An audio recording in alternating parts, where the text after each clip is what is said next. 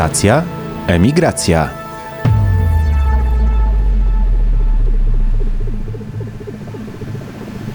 Ile polskich nut jest w tradycyjnej muzyce Teksasu? Dlaczego o Polce częściej słyszymy za oceanem niż w naszym kraju? Czy wiecie, że to potomek polskich emigrantów zrewolucjonizował granie na perkusji w amerykańskim jazzie? A czy słyszeliście, że dla dwójki Polaków swego czasu nagrywali Aretha Franklin i The Rolling Stones? Muzyczna strona emigracji Polaków do USA dziś w drugim odcinku podcastu. Stacja Emigracja. Witajcie, to jest stacja Emigracja, podcast Muzeum Emigracji w Gdyni. Odcinek numer dwa. E, Ja nazywam się Maciej Bąk, e, jestem prowadzącym rozmowy toczące się wokół tematu emigracji i co tydzień e, mam wielką przyjemność spotkać się z gościem, który przybliży nam kolejny aspekt emigracji. Dzisiaj będziemy opowiadać o tym, co hen daleko za oceanem, ale dla Polaków y, jest to miejsce emocjonalnie e, no, o wiele bliższe niż inne miejsca gdzieś daleko na kuli ziemskiej. Moim gościem jest e, dr Grzegorz Welizarowicz, amerykanista z Uniwersytetu Gdańskiego, z Instytutu Anglistyki i Amerykanistyki, ale też artysta. Witaj Grzegorzu. Dzień dobry.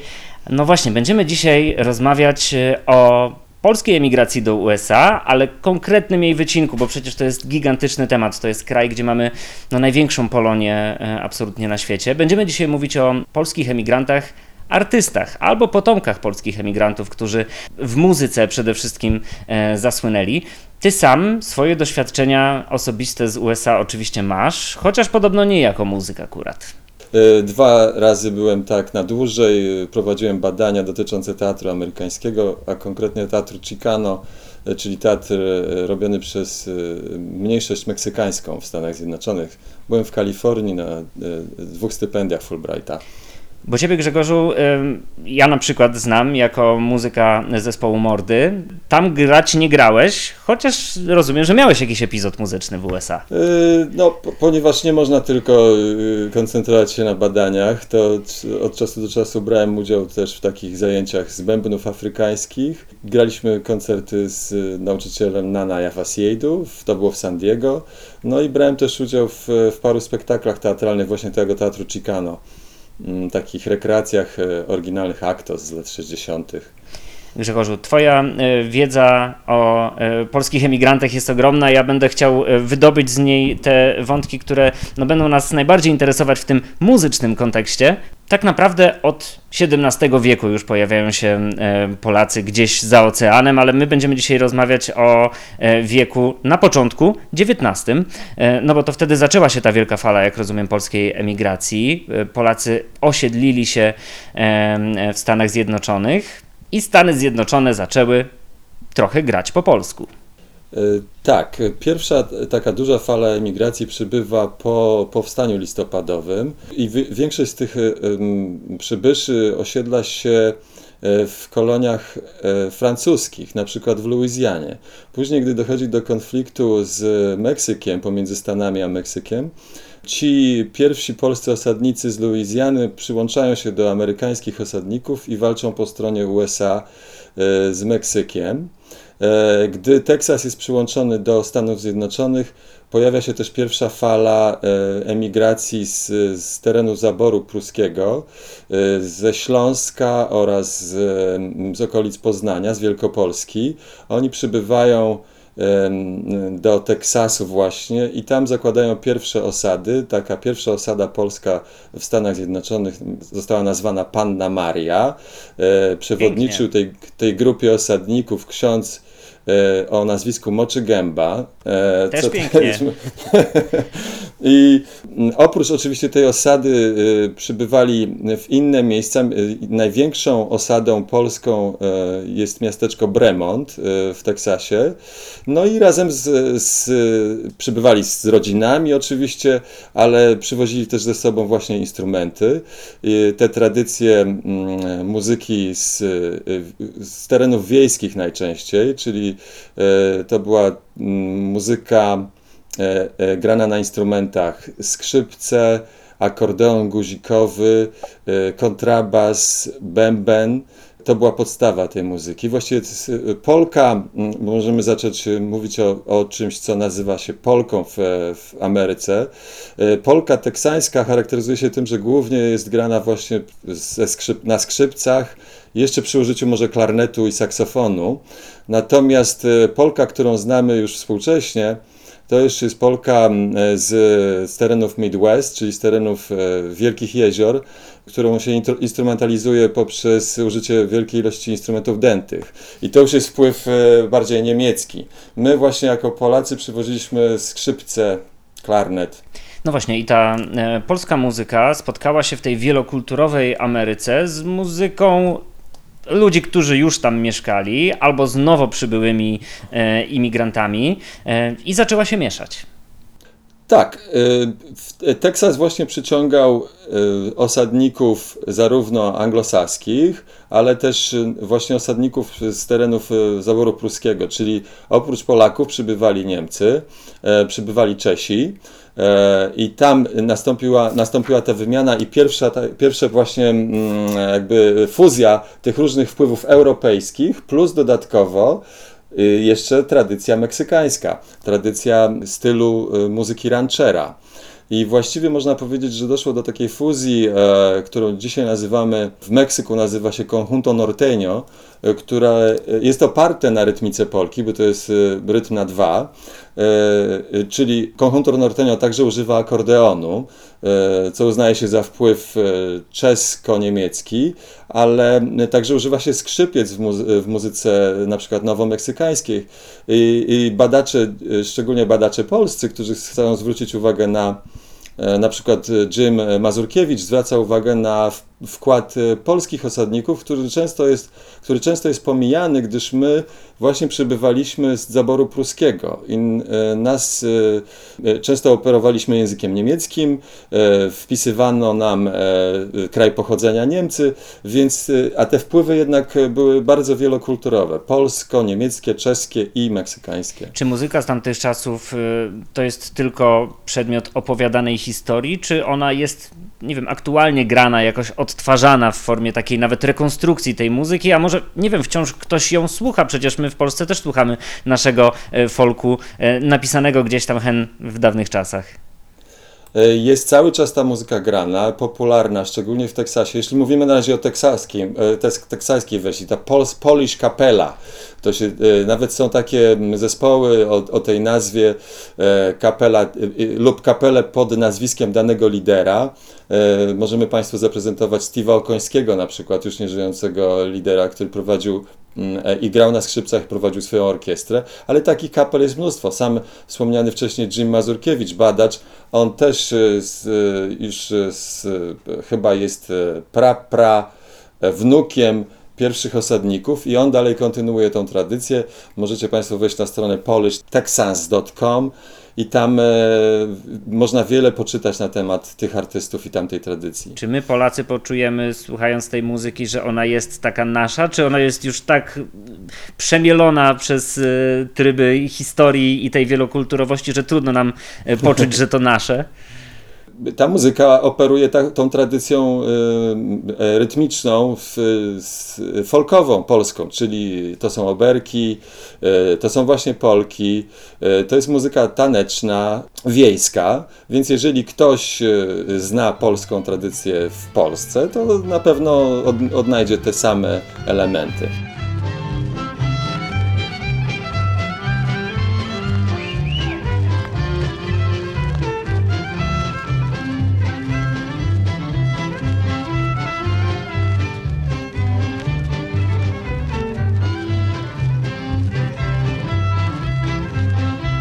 Słuchaj, właśnie, bo y, wymówiliśmy już parę razy słowo y, Polka. Y, tak naprawdę słowo, które kojarzy nam się bardzo rodzimie, ale jest słowem o wiele rzadziej używanym w naszym kraju niż właśnie w Stanach Zjednoczonych, bo tam okazało się, że ta Polka faktycznie przywieziona jako nasze polskie nadwiślańskie oberki wyewoluowała w gatunek muzyczny, który właściwie podbił Amerykę i napisał historię swoją zupełnie od nowa. Y, to znaczy w tym stylu polka y, przed II wojną światową mieściły się właśnie te różne inne rytmy. To mógłby być oberek, to mógłby być, mógłby być właśnie typowy rytm polki na dwa, czy mogłyby być walce. To wszystko było nazywane jako orkiestry y, Polish Orchestras, Polka Orchestras. Później, po II wojnie światowej, no, pojawiło się, przede wszystkim pojawiła się tańsza technologia nagrywania i pojawiło się bardzo dużo, dużo niezależnych wytwórni, które mogły lokal, nagrywać lokalnych artystów i to w ten sposób y, wypromowało y, wielu tych lokalnych artystów, którzy zaczęli dzięki tej, tym nagraniom mogli jeździć na trasy koncertowe, no i także ta, ta muzyka została jakby mm, symbolem szczególnie właśnie Polka, jak o jakiej dzisiaj, teraz mówimy, ta współczesna, dwudziestowieczna, drugiej połowy XX wieku Polka, to ona stała się symbolem właśnie terenów wielkich jezior. E, szczególnie stan Wisconsin, e, miasto Milwaukee, które słynie z, z produkcji piwa. I właściwie Polka w tym momencie stała się też właśnie tą, o czym mówiłem wcześniej, tą fuzją tych kultur, czyli niemieckiej kultury i kultury polskiej. Wiele zespołów jest polskich, ale jak spojrzysz na Polka Hall of Fame, e, e, organizację chicagowską, to artyści, którzy są wyróżniani tą nagrodą, pochodzą i ze Słowenii, i z Czech, i z Niemiec, i z Polski, więc to jest, mm, to jest taka fuzja wpływów. Czym się charakteryzuje ta Polka współczesna? Przede wszystkim użyciem instrumentów dętych, zelektryfikowanymi instrumentami e, gitarowymi, e, perkusją. To już jest coś zupełnie innego niż te orkiestry Polish Capella z, z Teksasu. Może być ona grana za oceanem, może być gdzieś w Słowenii, może być w Niemczech, ale nazwa, nazwa jest absolutnie nasza, nikt jej nam nie odbierze. Czy ty możesz się z nami podzielić kilkoma dźwiękami takiej Polki, żebyśmy wiedzieli na czym stoimy? Oczywiście. To na przykład jest e, Marisha Data, to była artystka e, nieżyjąca, już zmarła w 1972 roku. Ona była taką gwiazdą najpierw muzyki operowej, ale właściwie swój właści e, odnalazła się w, w Polsce. To jest jej utwór Mother's Garden Polka.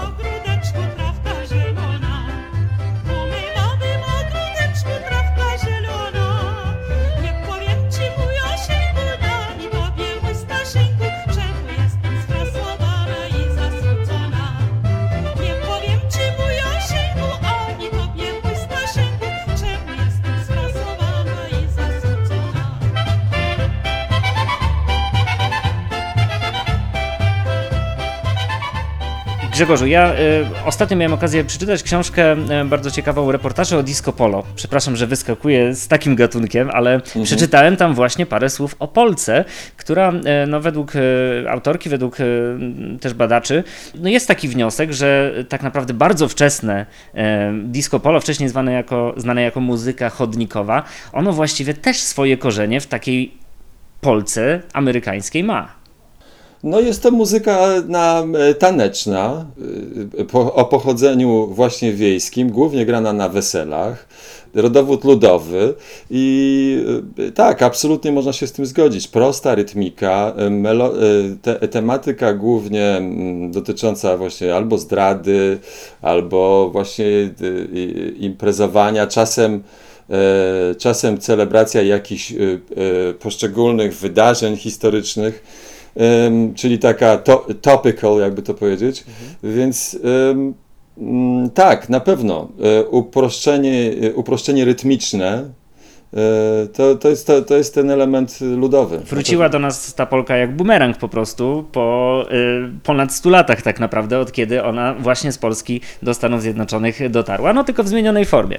Wiem, w tej instrumentalizacji tej e, elektro, elektronicznej, co dla mnie akurat jest, ja wolę te naturalne instrumenty, czyli Polkę tą powiedzmy graną na dęciakach. No właśnie, przejdźmy do y, no, muzyki, która jest, jak się domyślam, mu muzyką, która jest wybranką twojego twojego serca, czyli do jazzu, bo oprócz tego, że e, Polacy no, fantastycznie odnaleźli się ze swoją Polką w Stanach Zjednoczonych, to działali też na wielu innych poletkach. No i właśnie, mamy tak naprawdę ogromne zasługi w rozwoju amerykańskiego jazzu, my w sensie polscy emigranci. E, tak, Maćku. Chciałbym jeszcze wspomnieć, zanim przejdę do jazzu, że kościoły to były główne miejsca, w których Polacy mogli jakby się spotkać i kultywować tradycje, wzajemnie się wspierać. I bardzo ważne jest, żeby wspomnieć też o innej części muzyki, czyli o muzyce churalnej. I takie nazwisko jak na przykład Antoni Małek, który już zakłada pod koniec XIX wieku Stowarzyszenie Pieśniarzy, czy Stowarzyszenie Churalne Amerykańskie, skupiające chóry polskie.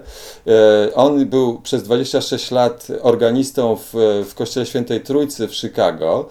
I um, to jest bardzo ważny element, żeby nie zapomnieć o tym wkładzie takiej muzyki kościelnej i, e, i wkładzie muzyki, muzyków wykształconych.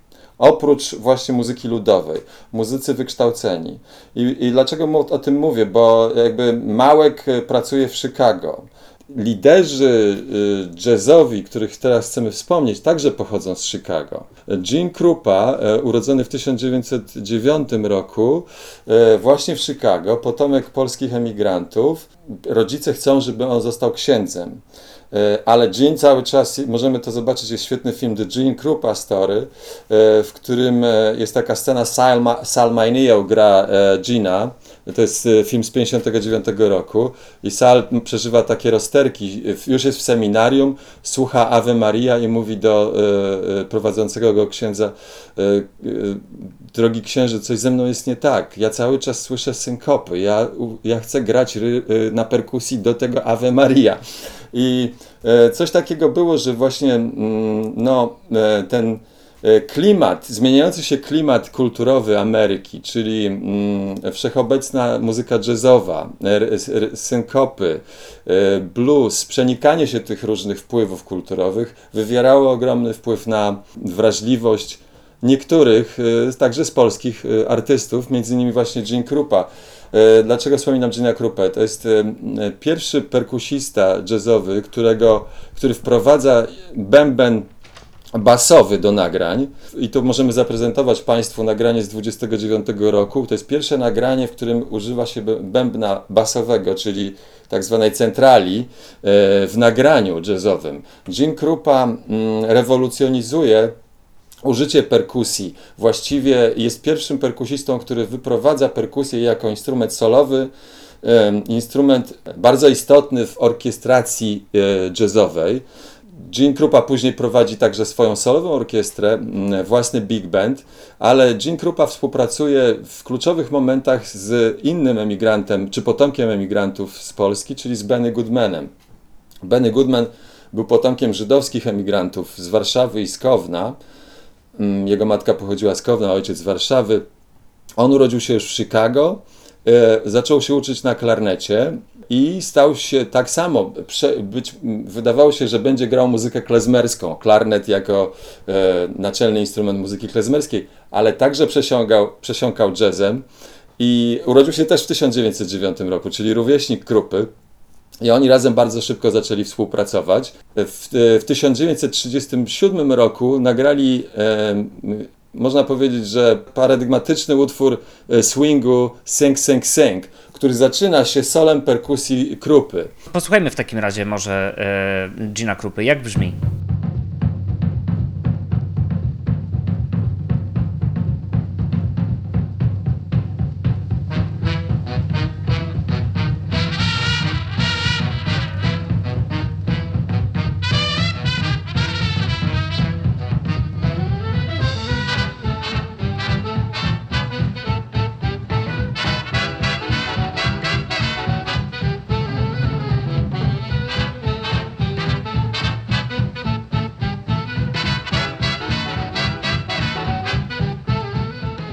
Wspominasz o Chicago. No tak, Chicago to miasto, w mhm. którym mieszka najwięcej y, Polaków y, mieszkających w USA y, i rozumiem, że również dla artystów polskich, którzy przybyli z Polski albo już są potomkami emigrantów, to też była taka muzyczna mekka. No właśnie, jeszcze w Chicago absolutnie jest bardzo ciekawym momentem też, że mm, tam przybywają także mm, czarni uciekający z południa. Więc Chicago, Chicago staje się takim miejscem, w którym zderzają się te różnorodne wpływy Ameryki, jak, e, jak w soczewce. W, na, inny przykład. E, w, w 1922 roku wyjechał ojciec Lejzora i Fischela Czyżów e, do Ameryki, po czym po sześciu latach sprowadził właśnie swoją rodzinę. Osiedlili się w Chicago. Ojciec już e, w latach dwudziestych zaczął handlować nielegalnie e, alkoholem. Pamiętajmy, że Chicago to także stolica powiedzmy nielegalnego bootleggingu, Al Capone i tak dalej. Więc ojciec Czyżów wprowadza synów w interes prowadzenia knajp yy, i ci bracia, Laser i Fischer Czyż, którzy przybyli w 28 roku. Z Częstochowy bodajże. Yy, to znaczy, źródła yy, mówią różnie. Niektóre, niektóre źródła podają, że pochodzą, pochodzili z miejscowości Motele, która obecnie, niedaleko Brześcia, który znajduje się obecnie na Białorusi, ale źródła też podają, że za, przed samą emigracją pojechali pod Częstochowę i dopiero stamtąd ruszyli dalej. Więc w latach 40., e, w 47 roku, e, przepraszam, e, w, przed wojną jeszcze, zakładają pierwszą knajpę w dzielnicy Czarnej. Ta knajpa nazywa się Macomba Lounge i tam organizują koncerty między innymi takich artystów jak Ella Fitzgerald, Louis Armstrong. No to Także naprawdę ekstra klasa. Tak, absolutna ekstraklasa i też powoli y, y, orientują się, że jest rynek na, i także przy zmianach technologicznych, jakie następują w trakcie wojny, w zmianach w produkcji i nagrywaniu muzyki, że warto wejść w biznes jako wytwórnia płytowa. Zakładają najpierw Arystokrat Records, a później e, od swojego nazwiska, bo w międzyczasie zmienili Czyż na Chess, zakładają wytwórnię Chess Records. I ta wytwórnia staje się najważniejszą wytwórnią zelektryfikowanego bluesa, bo tam przybywają e, uchodźcy e, z rasistowskiego południa, czarni uchodźcy osiedlają się w tym uprzemysłowionym Chicago, między innymi Muddy Waters, który jako pierwszy elektryfikuje gitarę i Muddy Waters robi pierwsze nagrania właśnie swoje dla, dla, dla Czesów, dla Leonarda i Fischela które przechodzą do historii jako najważniejsze nagrania bluesa chicagowskiego.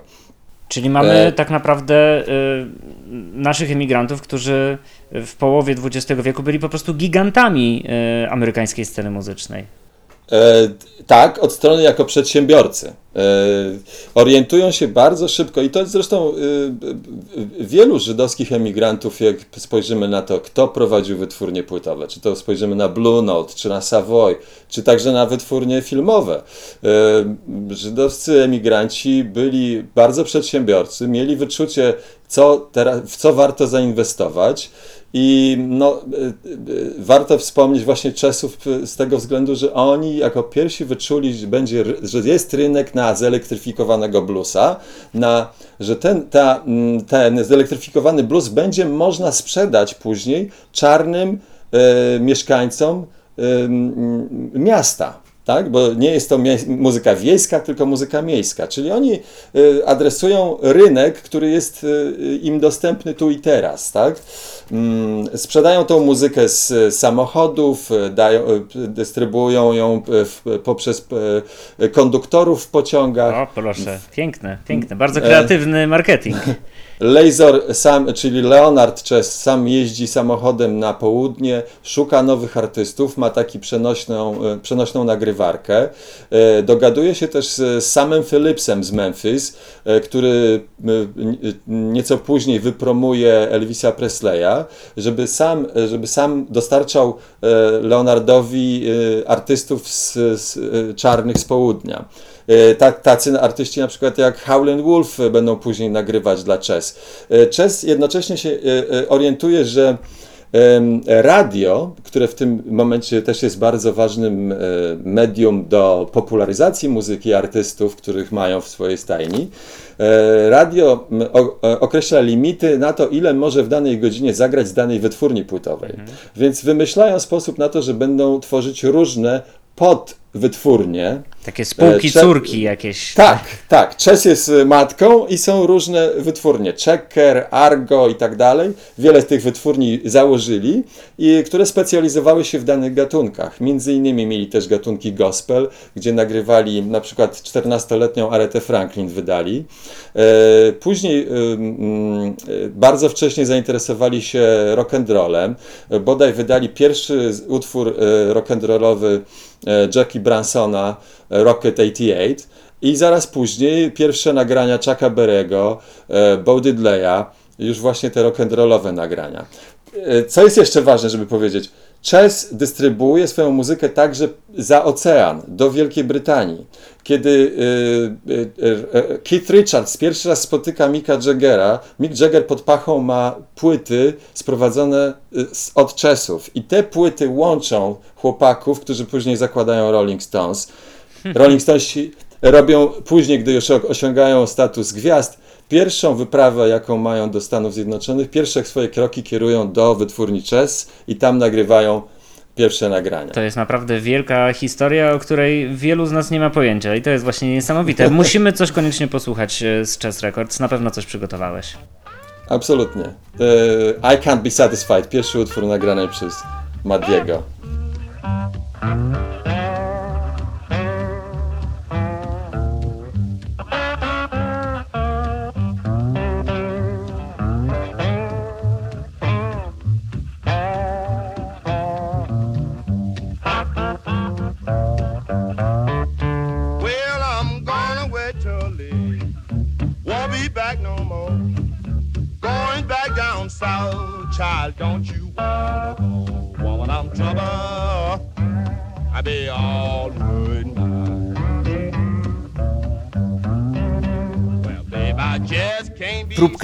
Tego, co mamy dzięki Chess e, Brothers, czyli braciom Czyż, e, to jednak czasy dosyć odległe, ale chciałbym Cię jeszcze zapytać, e, zbliżając się do końca, o polskich emigrantów, czy takich żyjących na stałe, czy takich, którzy byli przez dłuższy czas w Stanach Zjednoczonych. No właśnie, polskich artystów. Mamy też tutaj wkład w amerykańską muzykę. W tych czasach bardziej nam współczesnych. Nie wiem, czy to lata 70., 80., 90. E, absolutnie. No, warto wspomnieć, wracając do początku naszej rozmowy o artystach e, Polki. E, no, na przykład y, teraz dość popularny jest na Netflixie film Polka King, e, e, który zajmuje się tematem Jana Lewana. E, tak, to jest bardzo wyje... ciekawa postać. Który wyjechał z, z Bydgoszczy do Stanów Zjednoczonych, tam zrobił karierę właśnie jako w, w, w gatunku Polki.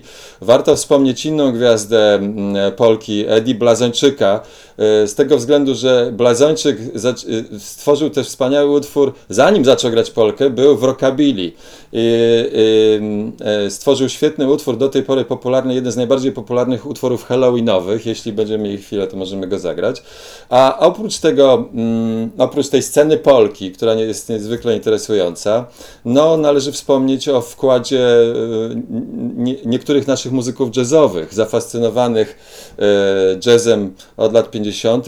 Warto wspomnieć, że Komeda przecież robi karierę w Hollywood, Rosemary's Baby, niestety tam także umiera w Hollywood. Oprócz tego warto wspomnieć na pewno Michała Urbaniaka, który y, y, dzięki wstawiennictwu bodaj najbardziej wpływowej osoby przy, od lat 30. do lat 70. Johna Hammonda y, podpisuje kontrakt z, wytwórnią Columbia i tam nagrywa płyty w latach 70. Bardzo istotne płyty y, nazwane, czy wyznaczają kierunek fusion E, w, e, jazzie.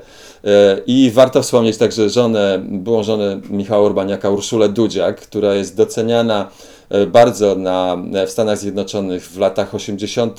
nagrywa bardzo prestiżowy koncert razem z plejadą gwiazd amerykańskiego jazzu dedykowany e, Teleniosowi Monkowi. Ma swój osobny set, gdzie mm, e, gra, śpiewa właściwie przy użyciu instrumentów elektronicznych. To było coś niezwykłego na tamte czasy. Sampling. Urszula Dudziak już w latach 70. zaczyna używać tej elektroniki i, i to fascynuje Amerykanów. No a z innej, z innej strony no, warto wspomnieć na pewno Tomasza Stańkę, który osiedla się w drugiej dekadzie XXI wieku na Manhattanie i jest uznawany za no, czołowego trębacza.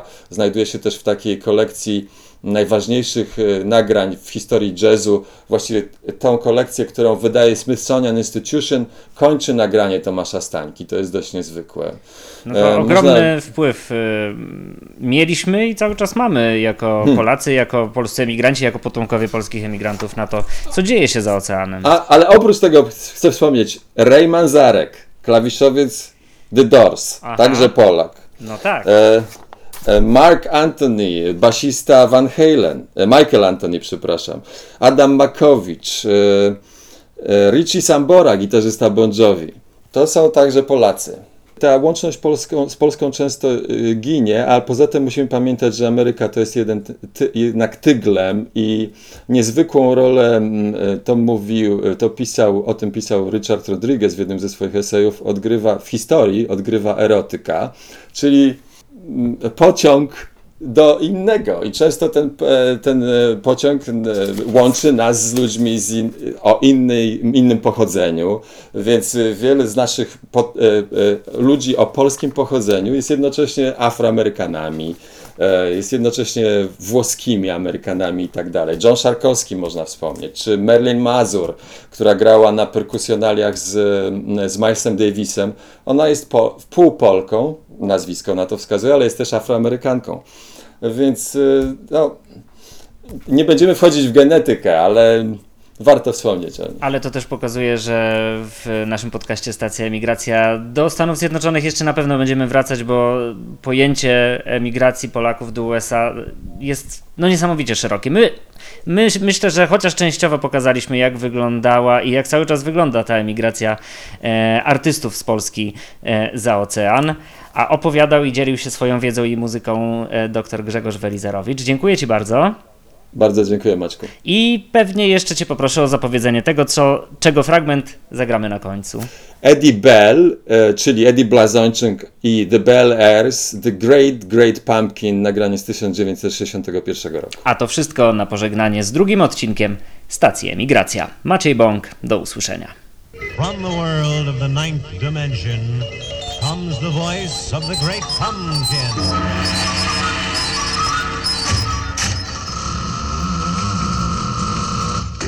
My name is the great pumpkin.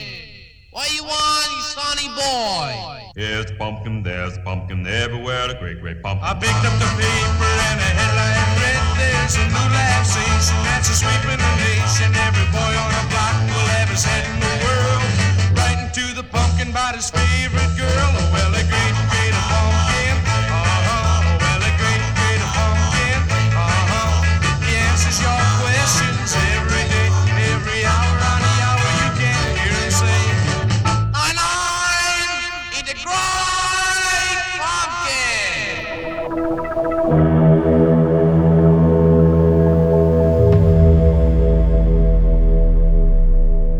Stacja Emigracja.